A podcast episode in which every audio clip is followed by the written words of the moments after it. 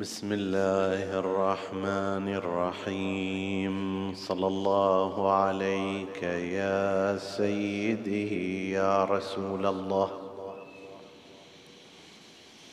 صلى الله عليك وعلى ابن عمك أمير المؤمنين وإمام المتقين. صلى الله عليك يا سيدي ويا مولاي وعلى أهل بيتك الطيبين الطاهرين. ما خاب من تمسك بكم وأمن من لجأ إليكم. يا ليتنا كنا معكم فنفوز فوزا عظيما. عجبا للعيون لم تغد بيضا لمصاب تحمر منه الدموع واسى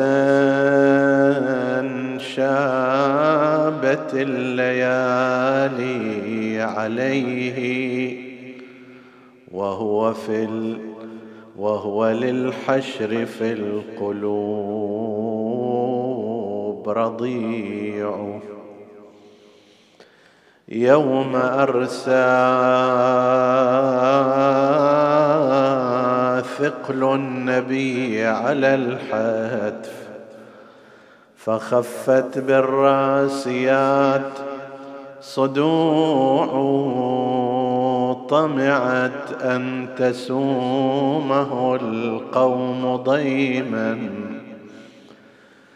وأبى الله والحسام الصنيع.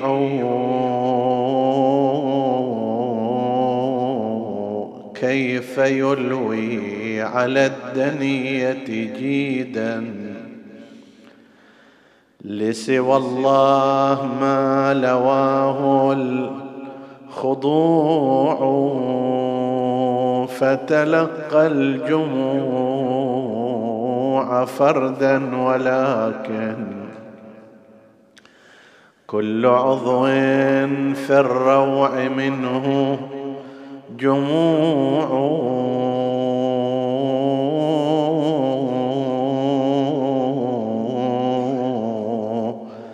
عزمه من بنانه وكأن من سيفه حده مطبوع فتلقى الجموع فردا ولكن كل عضو في الروع منه جموع بأبيك لأن على الطف خدرا هو في شفرة الحسام مني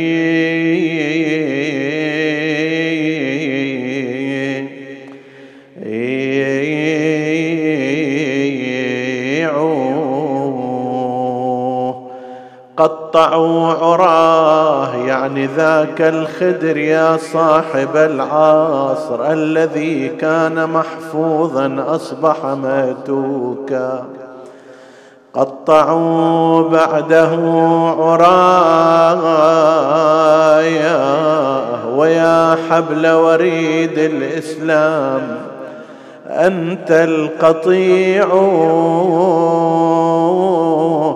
فترفق بها يا فما هي إلا ناظر دامع وقلب مروع. لا تسمها جذب البراء وتدري ربة الخدر ما البرايا ما النسوع. قوضي يا خيايا يا مع اليان زار. فلقد قوض العماد الرفيع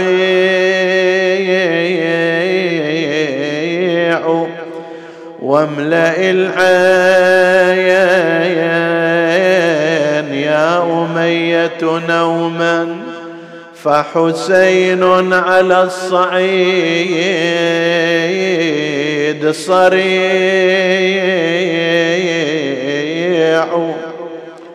لكنما الأمر لله لا حول ولا قوة. إلا بالله العلي العظيم. إنا لله وإنا إليه راجعون. وسيعلم الذين ظلموا أي منقلب ينقلبون والعاقبة للمتقين. عطروا مجالسكم بذكر محمد وآل محمد.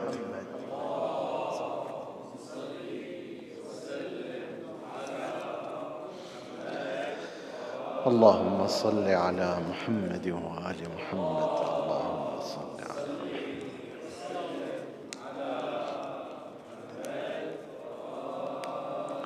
اللهم صل على محمد.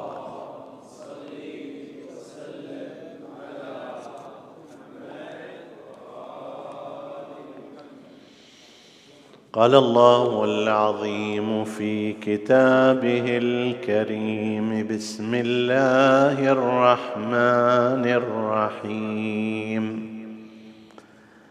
إن الشيطان لكم عدو فاتخذوه عدوا. آمنا بالله. صدق الله العلي العظيم. حديثنا بإذن الله تعالى هو فاتحة أحاديث عن أعداء الحسين صلوات الله وسلامه عليه. الغرض من هذه الأحاديث هو توضيح الصورة التي حاول المؤرخون أن يشوهوها بأن أظهروا قتلة الحسين على غير حقيقتهم وأظهروا أعداء الحسين بغير واقعهم وسنأتي على ذكر فوائد مثل هذه المواضيع. اولا نحن نلاحظ أن القرآن الكريم يصرح بأن الشيطان لكم عدو فاتخذوه عدوا. هذه الآية المباركة فيها جهتان. جهة توضيح العدو الحقيقي وجهة أخرى أن أنت تعتبره عدوا. هناك مشكلتان عند البشر. المشكلة الأولى أن كثيرا من الناس لا يلتفتون إلى أن الشيطان عدو. ليش؟ لأن الشيطان عادة يدعو إلى ما فيه الشهوات ما فيه رغبات النفس النفس تشتهي شيئا هو حرام والشيطان يزين لها ذلك وحينها هذا الإنسان يغفل عن أن الشيطان عدو واقعي. يتصور ما دام يتوافق مع رغباته مع شهواته فهو أقرب إليه من غيره. أي مرحلة؟ أن قسما من الناس لا يعرفون عداوة الشيطان. المرحلة الثانية على فرض أنهم يعرفونه عدوا لا يتخذونه عدوا. بمعنى ماذا؟ بمعنى ما يستعدون لمقاومته ما يتجهزون لطرده. أنت إذا يجيك واحد مرة تتصور أن هذا صديق ففي الأساس أنت ما عارف أن هذا عدو يتنكر لك في لباس الصديق وفي ثوب الصديق فأنت ما تعرف أن هذا عدو. هي مرحلة. المرحلة الثانية قد تعرف أنه عدو ولكنك لا تتجهز لا تستعد لمقاومته لا تطرده عنك لا تذهب عن طريقه لا تهرب منه. القرآن الكريم بالنسبة إلى الشيطان اولا يعرف الشيطان يعرف إبليس بأنه عدو. ترى حتى لو جاكم في ثوب الصديق في ثوب الشهوات في ثوب الأهواء فهذا عدو. من أمثلة ذلك أن الإنسان مثلا يذهب إلى أماكن الفساد ويقول وناسة رحنا وتونسنا وارتحنا غيرنا جو وما شابه ذلك. هذا ما يعرف الشيطان. لا هذا مو تونسنا هذا مو غيرنا جو إذا كان من مواقع الانحراف هذا أنت رايح إلى الشيطان برجلك.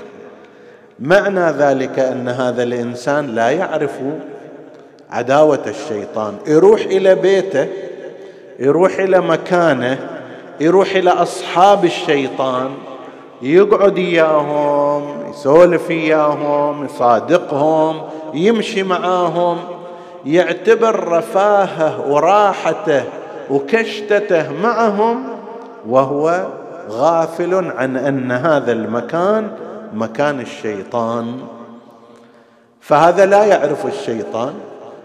جهة أخرى قد يعرف أن هذا المكان مكان مو زين مكان فيه انحراف مكان فيه ضلال ناس غير طيبين. طيب ومع ذلك لا يتخذ الشيطان عدوا. ما ينصرف عنهم؟ ما يقاوم توجهاتهم وأفكارهم ما يرفض عروضهم. تعالوا يانا خلنا نروح فلان مكان. إذا واحد يعرف ترى هذه الدعوة دعوة عدو راح يوقعه في مأزق راح يزلق رجله يقول له لا أنا ما أروح ولا أتحرك ولا أجي. انصرف أنت تريد تروح في هالوادي روح ولكن أنا ما أجي. هذا معناه اتخذ الشيطان وأصحاب الشيطان شنو؟ أعداء. لذلك ما يروح إياهم في طريق واحد ما يواطنهم ما يتأثر بهم ما يشاركهم في أعمالهم. يروح إلى جلسة من جلسات المخدرات لا سمح الله ولا قدر. يقول وشي أنا ما ما أستعمل المخدرات. جمعهم لا هذا مكان مكان الشيطان. اتخذ هذا المكان مكان شنو؟ عداوة. يابا خلنا نروح إلى المكان الفلاني الفاسد. يقول أنا أروح ما علي منهم. لا اتخذ هذا الجمع أعداء بمعنى أنك انصرف عنهم لا تتأثر بهم لا تمشي معهم ويؤثرون عليك ولو بالتدريج. فالقرآن الكريم هم يقول الشيطان ترى عدو مو صديق ها؟ مو محل للفرح مو مكان للنزهة مو ملبي للشهوات. والشيء الآخر إذا عرفت الأمر هكذا فرتب الأثر العملية على ذلك. لهذا وجدنا مثلا في القرآن الكريم قريب من تسع مرات ذكر فيها الحديث عن إبليس ولا سيما في بداياته وكيف حرف عن نهج الله عز وجل وسقط إلى عصيان الله. وأما بعنوان الشيطان بعنوان إبليس حوالي عشر مرات تسع إلى عشر مرات أما بعنوان الشيطان فقريب من ستين موضع. وهذا طبعا قد يشير أحيانا الشيطان إلى إبليس نفسه وقد يشير إلى أعوان إبليس. من ذلك مثلا ما يذكره القرآن بهذا الاتجاه الشيطان يعدكم الفقر ويأمركم بالفحشاء والمنكر. يمكن مو إبليس نفسه يجي اليك وإنما يرسل أحد شنو؟ شياطينه. إنما ذلكم الشيطان يخوف أولياءه. يمكن إبليس يجي ويمكن ذاك لا يقول هذا. أنا واجد كبير عليه ندز له واحد من هذول شنو؟ الصغار القلائل. طيب فيما ينقل من الأخبار والله أعلم أن أحدهم رأى إبليس في عالم الرؤيا ومعه حبال ضخمة وسلاسل حديدية كلها مقطعه طيب فسأله في عالم الرؤيا حسب النقل قال له هذا شنو؟ قال له هذه البارحة أنا كنت أحاول يا الشيخ الأنصاري أن أجره إلى جانبي. هذا الشيخ الأنصاري زوجته كانت على وشك وضع طفل وكانت تحتاج إلى شوية من تمر. تحتاج إلى شوية من التمر شوية تقوي نفسها. وهو في ذاك الوقت الشيخ الأنصاري المرجع الأعلى والأعظم. فقالت إلى أنه نريد شوية تمر. قال لا إحنا لا ما عندنا. ما عندنا يعني فلوس شخصية. إلي ما عندي انتظري إلى باكر إلى أن الله يفتح.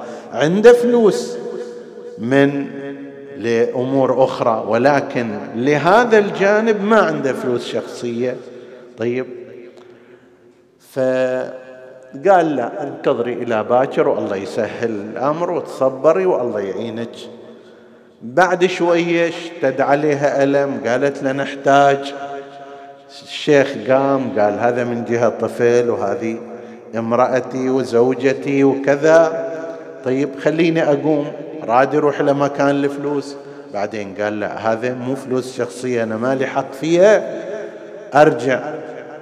وهكذا يقول إلى الصباح وهالشكل فأنا كل ما سويت حبل شديد يقطعه الشيطان يشرح إلى ذاك. كل ما سويت حبل قوي حتى أجر. شيخ الأنصاري وأخليه مد إيده قطعه جبت صناقل حسب التعبير يعني حيل أكبر قطعها كلها. إلى الصباح بعدين الصباح دبر الأمر وذهب وأخذ مالا من أحد واشترى به شيء من التمر. هذا الذي رأى يقول أنا قلت له زين يعني الشيخ الأنصاري هل قد كان يحتاج إلى مثل؟ هالصناقل وهل كذا؟ إيه، ومع ذلك قطعها. قال له أنا شلون؟ يعني أنا شقد أحتاج حتى. فقال له أنت ما يحتاج أشر لك من بعيد. لا يحتاج لا إلى صناقل ولا إلى حبل ولا هم يحزنون. طيب. بعض الأشخاص بالريموت كنترول ما يحتاج إلى أن يجي الشيطان أو يجرها بحبل أو إلى غير ذلك. لذلك الشيطان يخوف أولياءه يسول إلى من يتأثر به ودرجات الناس. هنا تتفاوت بين واحد كل ما يحبك الشيطان له خدعة يقضي عليها ذلك الإنسان بوعيه وإرادته. يدري هذا شيطان؟ ويقول لا أنا ما أسوي هذا. وبين واحد آخر أقل واحد قد يصمد أمام الفلوس لكن قد لا يصمد مثلا أمام الشهوة الجنسية. واحد يمكن يصمد أمام الشهوة الجنسية لكن قد لا يصمد أمام الرئاسة والمنافسة. وهكذا وأكو قسم لا ما يحتاج أي امتحان الشيطان يريد أي وادي يسلك به يذهب ويجيء كما أراد الشيطان.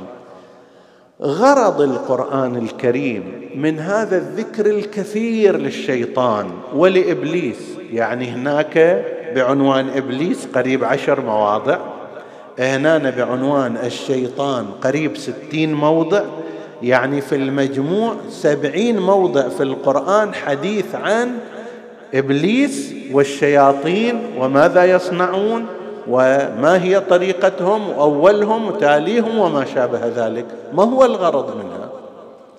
الغرض منها توعية وتعريف الإنسان المؤمن القارئ للقرآن بأساليب هذا العدو. تعريف الإنسان المؤمن بمؤامراته بما يقوم به. ومن هنا إحنا أيضا نستفيد هذا المعنى في أننا نتعرف أيضا على أعداء الدين. أعداء الدين قد يكون الشيطان وقد يكون رجال كالذين قاتلوا الإمام الحسين صلوات الله وسلامه عليه.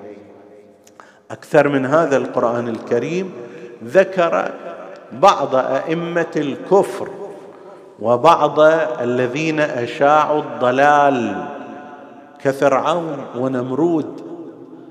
إذا تلاحظ في القرآن الكريم فرعون قريب من سبعين مكان تحدث عنه القرآن الكريم. ليش هذا؟ فرعون هالقد شخصية يعني مقدسة اللي هالقد يذكر في القرآن؟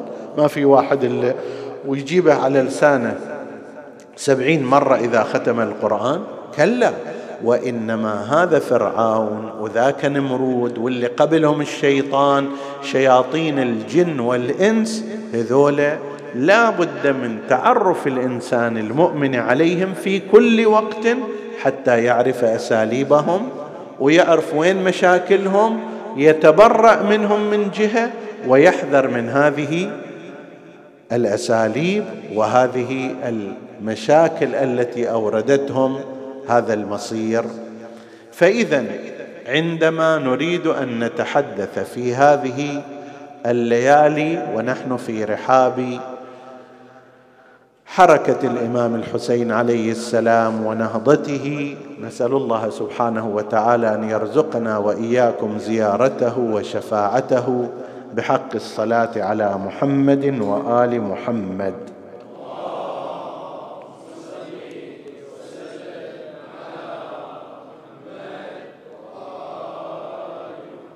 هناك عدة أمور نتحدث من أجلها في هذا الموضوع. عن أعداء الحسين عليه السلام قتلة الحسين الذين واجهوا الإمام الحسين عليه السلام نتحدث عنهم ونعينهم اولا لمعرفتهم معرفة دقيقة. المعرفة الدقيقة بالعدو تفيدك هنا قد يأتيك عدو في صورة صديق.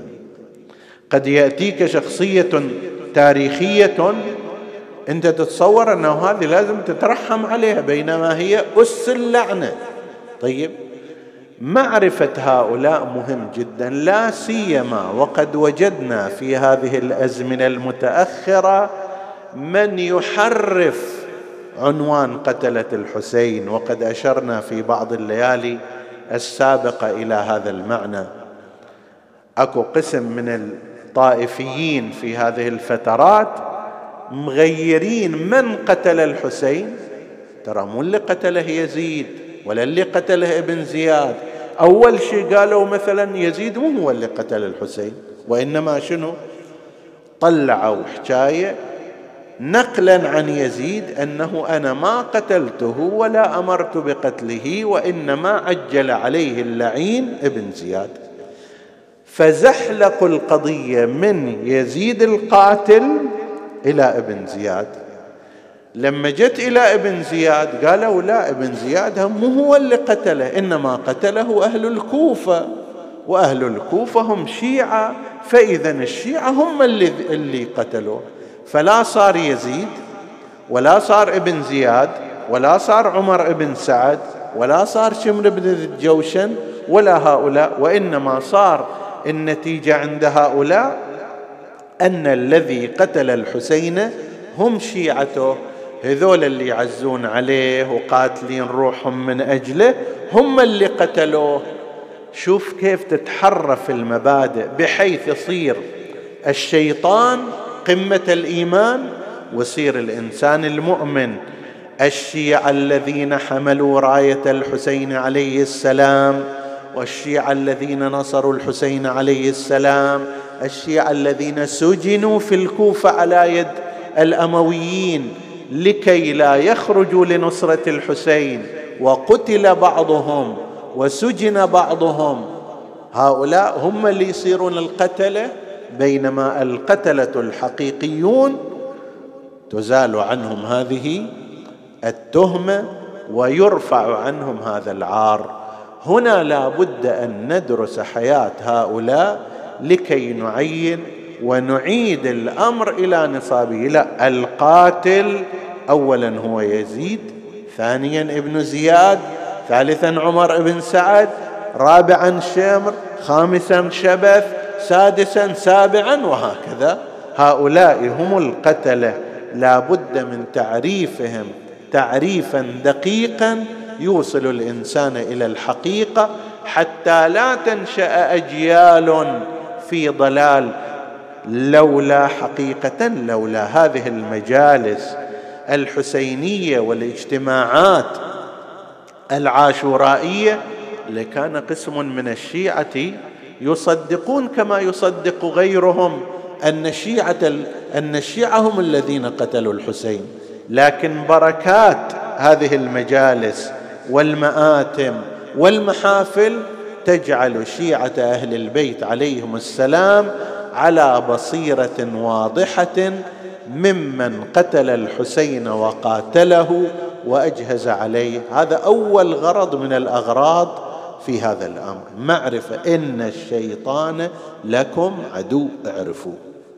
قتلة الحسين هؤلاء هم فلان وفلان وفلان اعرفوهم بذواتهم. هذا الأمر الأول. الأمر الثاني البراءة منهم. اتخاذهم أعداء.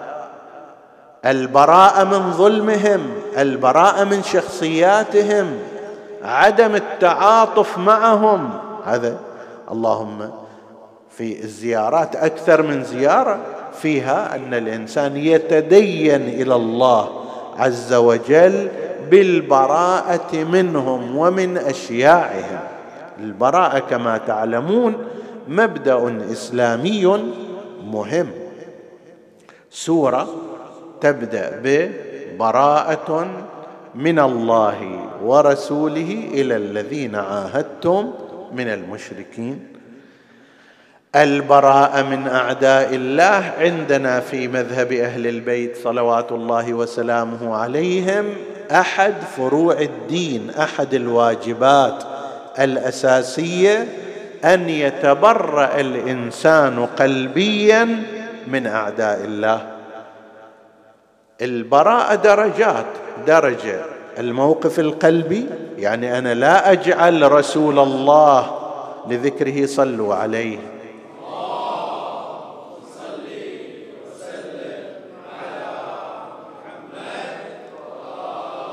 لا أجعل رسول الله وأمير المؤمنين وعمار بن ياسر وأبا ذر الغفاري وهذه الفئة المنتخبة والمصطفات إلى جنب أعداء الله.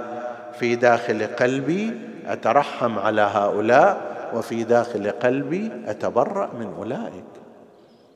من كفر بالله من نافق من عاد العترة المطهرة في داخل القلب أنا أتخذ منهم موقفا سلبيا.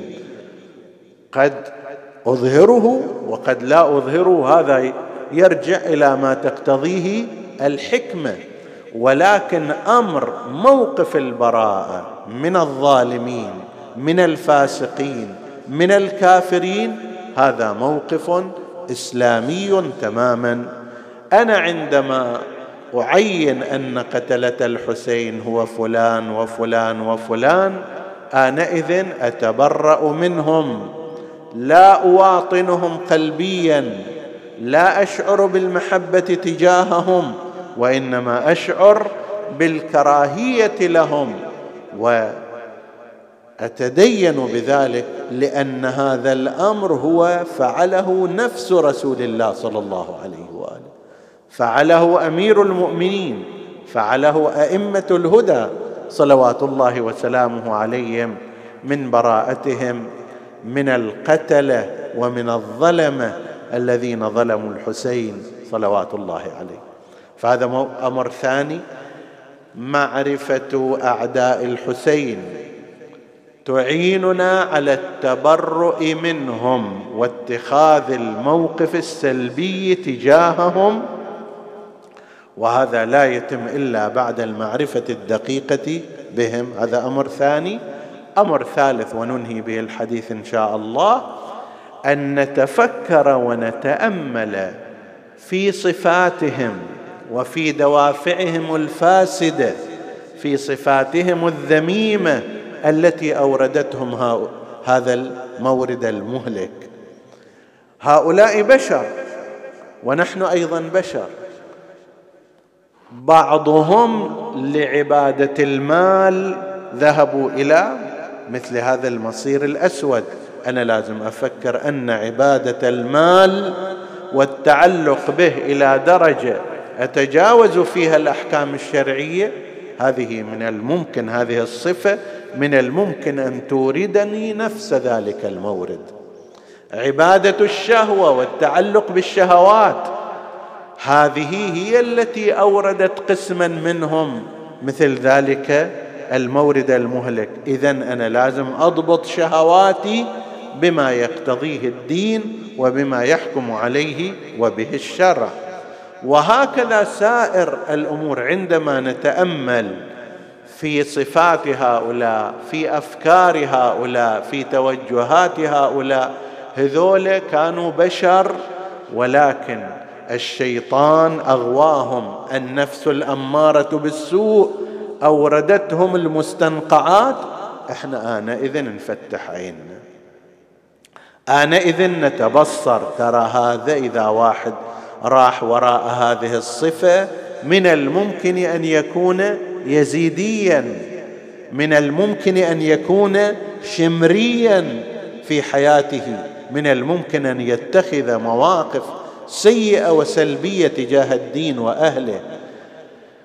معرفة هؤلاء ومعرفة حياتهم ومعرفة صفاتهم وكيف عاشوا وماذا أثر فيهم تعين على معرفة النتائج الباطلة التي وصلوا إليها. فإحنا آنئذ سوف نحذر من الوقوع فيها والوصول إليها. لذلك رأينا مثلا أن أئمة الهدى عليهم السلام وأن زينب العقيلة صلوات الله وسلامه عليها تحدثت عن هؤلاء وتحدثت وتحدثوا عن صفاتهم. مثلا زينب عليه السلام في خطبة من أعاظم خطبها صلوات الله عليها. وهي الخطبة التي خطبتها في الشام قالت في أول خطبتها بعدما رأت يزيد بن معاوية يضرب ثنايا أبي عبد الله الحسين سلام الله عليه في ذلك المجلس بدأت هكذا بسم الله الرحمن الرحيم ثم كان عاقبة الذين أساءوا السوء أن كذبوا بآيات الله. وكانوا بها يستهزئون. انتخاب هذه الآية المباركة حقيقة من مما يكشف عظمة السيدة زينب ومعارفها الدينية لأنها تريد تقول لنا فكرة أن يزيد كان في مرحلة فاسقا منحرفا يعمل الذنوب. هذا اللي يسمونه فسق الجوارح. الآن أكثر من ذلك انتقل منها المرحلة السيئة إلى مرحلة أسوأ وهو مرحلة الكفر بالعقيدة الدينية. الكفر بالله إلى مرحلة الاعتقاد. متى؟ عندما قال لعبت هاشم بالملك فلا خبر جاء ولا وحي نزل. هذا بعد مو أنه شرب خامر مو أنه قتل النفس المحترمة مو أنه معلن بالفجور كما قال الإمام الحسين كما سنأتي بعد قليل عليه. وإنما أكثر من ذلك هذا انتقل من مرحلة الفسق بالجوارح كما يسمونها يشرب الخمر بفمه يعصي الله بشرب الخمر. يزني فيعصي الله ببعض أعضائه. يقتل النفس المحترمة أيضا كذلك. هذا وإن كان سيئا جدا لكنه هو أهون من الكفر بالله وعدم الاعتقاد به لأن هذا الكفر بالله يرتبط بأصول الدين أصول العقيدة بينما ذاك يرتبط بفروع الفقه كما يقولون. طيب مو معنى ذلك أن تلك الأشياء مو كبيرة لا كبائر عظيمة ولكن كلها في كفة والكفر بالله في كفة أخرى. فهذا الرجل انتقل من مرحلة الأعمال الباطلة وكبائر الذنوب إلى مرحلة الكفر بالله.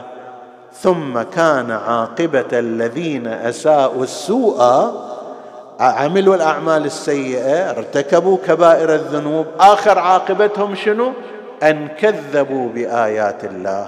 هذول بعد صاروا على مرحلة الكفر وهو نفس ما قاله يزيد في ذلك المجلس لعبت هاشم بالملك فلا خبر جاء ولا وحي نزل. لا قضية وحي أكو ولا أخبار من السماء ولا نبوة ولا هم يحزنون هذا كلام الكفار أنه لا يوجد هناك وحي سماوي ولا يوجد إخبارات عن السماء وإنما هي قضية زعامة تنافس على السلطة وما شابه ذلك. طيب هذه عندما العقيلة زينب تقول قاعدة تشخص هذه الصفات الباطلة التي تكلم عنها الإمام الحسين عليه السلام أول خروجه من المدينة المنورة. قال للوليد ابن عتبة ابن أبي سفيان إنا أهل بيت النبوة. لما استدعاه إلى البيعه فيما زعم قال إنا أهل بيت النبوة. بنا فتح الله يعني بالنبي صلى الله عليه وآله كان فاتحة الخير والبركات والوحي السماوي والإسلام وبنا يختم بقائم آل محمد.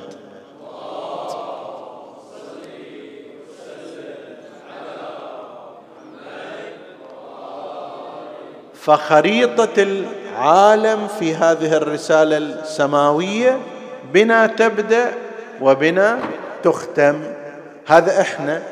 وأما اللي جاي تدعون للبيعة له يزيد يزيد رجل فاسق معلن بالفجور شارب الخمور قاتل النفس المحترمة ومثلي لا يبايع مثله. هنا راح يصير أي واحد يشرب الخمور هذا رجل يزيدي تماما. أي واحد يعلن بالفجور رجل يزيدي تماما. أي واحد يقتل النفس المحترمة أيضا كذلك. فإذا عرفنا صفات هؤلاء وماذا وما الذي أوردهم تلك الموارد المهلكة إحنا أيضا نتحذر ونتوقى من شرورها.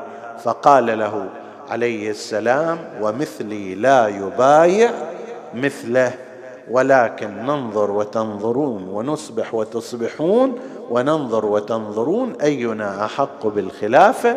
اللي مروان بن الحكم لعنة الله عليه وهو طريد رسول الله من المدينة آمر بطرده من المدينة في زمانه يا للأسف وإذا به بعد فترة من الزمان في زمان معاوية نفسه هو أصبح واليا على المدينة. مروان بن الحكم تقريبا ثلاث مرات كان واليا على المدينة ينصب ويعزل وينصب ويعزل إلى أن بعدين صار هو رأس السلسلة الأموية المروانية التي أذاقت الإسلام. ما أذاقته؟ يعني بعد هلاك يزيد ابن معاوية اجى مروان بن الحكم وسيطر على الحكم وصار أبناؤه هم الذين يقودون هذه الأمة. طبيعي هذه الأمة اللي تترك آل علي بن أبي طالب وتترك علي بن أبي طالب ينتهي بها الأمر إلى مثل مروان بن الحكم اللي النبي طارده من المدينة. ما تقعد في المدينة. يدور الزمان وإذا به هو يصير الوالي. المتصرف اللي يصدر القرارات ويؤم صلاة الجماعة لأن الوالي هذا شغله. هو إمام جماعة المدينة هو الذي يصدر القرارات. هذا قبل ما يصير بعد خليفة على كل الأمة الإسلامية فيما بعد. زين؟ فيا الله وللعجب يعني كيف هذه الأمة التي تترك موالاة سادتها وقادتها كيف ينتهي بها الأمر؟ فمروان بن الحكم كما تعلمون قال للوليد بن عتبة أوثقه كتافا فإن بايع ثم ادعه للبيعه فإن بايع وإلا فاضرب عنقه. الإمام الحسين كما تعلمون بعزة نفسه العلوية قال أنت تقتلني أم هو؟ كذبت ولا أمت. لا أنت تقدر تقتلني ولا هذا يقدر يقتلني أيضا. وخرج الحسين عليه السلام مودعا جده رسول الله صلى الله عليه وآله فمر على قبره في مدينة رسول الله وودعه ذلك الوداع المؤثر كما مر أيضا على بقية من يكن لهم الاحترام. ومن ذلك أم سلمة زوجة رسول الله أم المؤمنين عندنا شيعة أهل البيت. أم سلمة في المرتبة الثانية في الفضيلة بعد خديجة السيده السيده الصديقة خديجة الكبرى والدة الزهراء تليها في المرتبة أم سلمة وهي التي ائتمنها رسول الله صلى الله عليه وآله على شيء من تراب قبر الحسين عليه السلام. تصور هذه امرأة تحتفظ بتربة قبر الحسين. شوف انت لما الآن تهتم بالتربة الحسينية وتصلي عليها وتقدسها في محلها. بس شوف هذا الحفاظ عليه. يمكن انت ما عندك تربة تحتفظ فيها أربعين سنة ثلاثين سنة. طيب لكن أم سلمة احتفظت بتربة أعطاها إياها رسول الله صلى الله عليه وآله حين كان عمر الحسين صلوات الله وسلامه عليه نحو ثلاث سنوات يعني بحدود سنة ستة سبعة هجرية إلى يوم محر عشرة محرم واحد وستين كم سنة؟ أكثر من خمسين سنة من الزمان وهي تحتفظ بهذه التربة حتى رأتها فاضت دما عبيطا في يوم العاشر من المحرم. هذه المرأة الجليلة العظيمة لذلك ذهب إليها الحسين عليه السلام مودعا إياها قبل خروجه قال لها في أمان الله يا أماه أنا خارج من المدينة. قالت يا أبا عبد الله يا بني إني أخاف عليك من سفرك هذا. فإن جدك رسول الله صلى الله عليه وآله أخبرني أن مصرعك يكون بأرض في العراق. يقال لها كربلاء وإني أخشى عليك من هذا المسير وقد أعطاني تربة من تراب قبرك وأخبرني أنها إذا صرعت تفيض دما عبيطا وأخشى عليك من ذلك فهلا بقيت.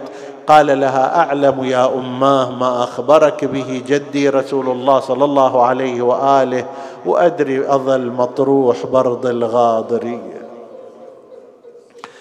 أنا أدري أظل مطروح برد الغاضريه وهالصدر هذا يصير تحت الاعوجي يعني يا أم سلمة إذا أنت بس تدري بالمجمل أنا أدري بالتفصيل وأدري كيف تدوس الخيل على صدري. أدري اظل مطروح برض الغاضريه والصدر هذا يصير تحت الأعوجي. وجني بجسمي على الثرى مرمي رهينة. عباس خيم قطع شماله ويمين. وعباسات عباس خيم قطع شمال ويمين. وراسي على راس الرمح يبرد ضعينه وزينب عقب عيني على كور المطية. أنا أبقى مجرد والدمام من جروحي تسيل. وانظر بعين على حريمي حايط الخيل وزينب عقب عيني غصب بيتام هتشيل بعد الجلال يصير اسمها خارجي. نسألك اللهم وندعوك باسمك العظيم الأعظم الأعز الأجل الأكرم. يا الله اغفر لنا ذنوبنا كفر عنا سيئاتنا آمنا في أوطاننا. لا تسلط علينا من لا يخافك ولا يرحمنا ولا تفرق بيننا وبين محمد وآله طرفة عين. فضل اللهم إخواني السامعين فردا فردا واقض حوائجهم. اشف اللهم مرضاهم لا سيما المرضى المنظورين. ومن أوصانا بالدعاء. وفرج اللهم عن جميع المكروبين فرجا عاجلا قريبا. تقبل اللهم عمل المؤسسين بأحسن القبول إلى أرواح موتاهم وموتى السامعين. نهدي ثواب الفاتحة تسبقها الصلوات.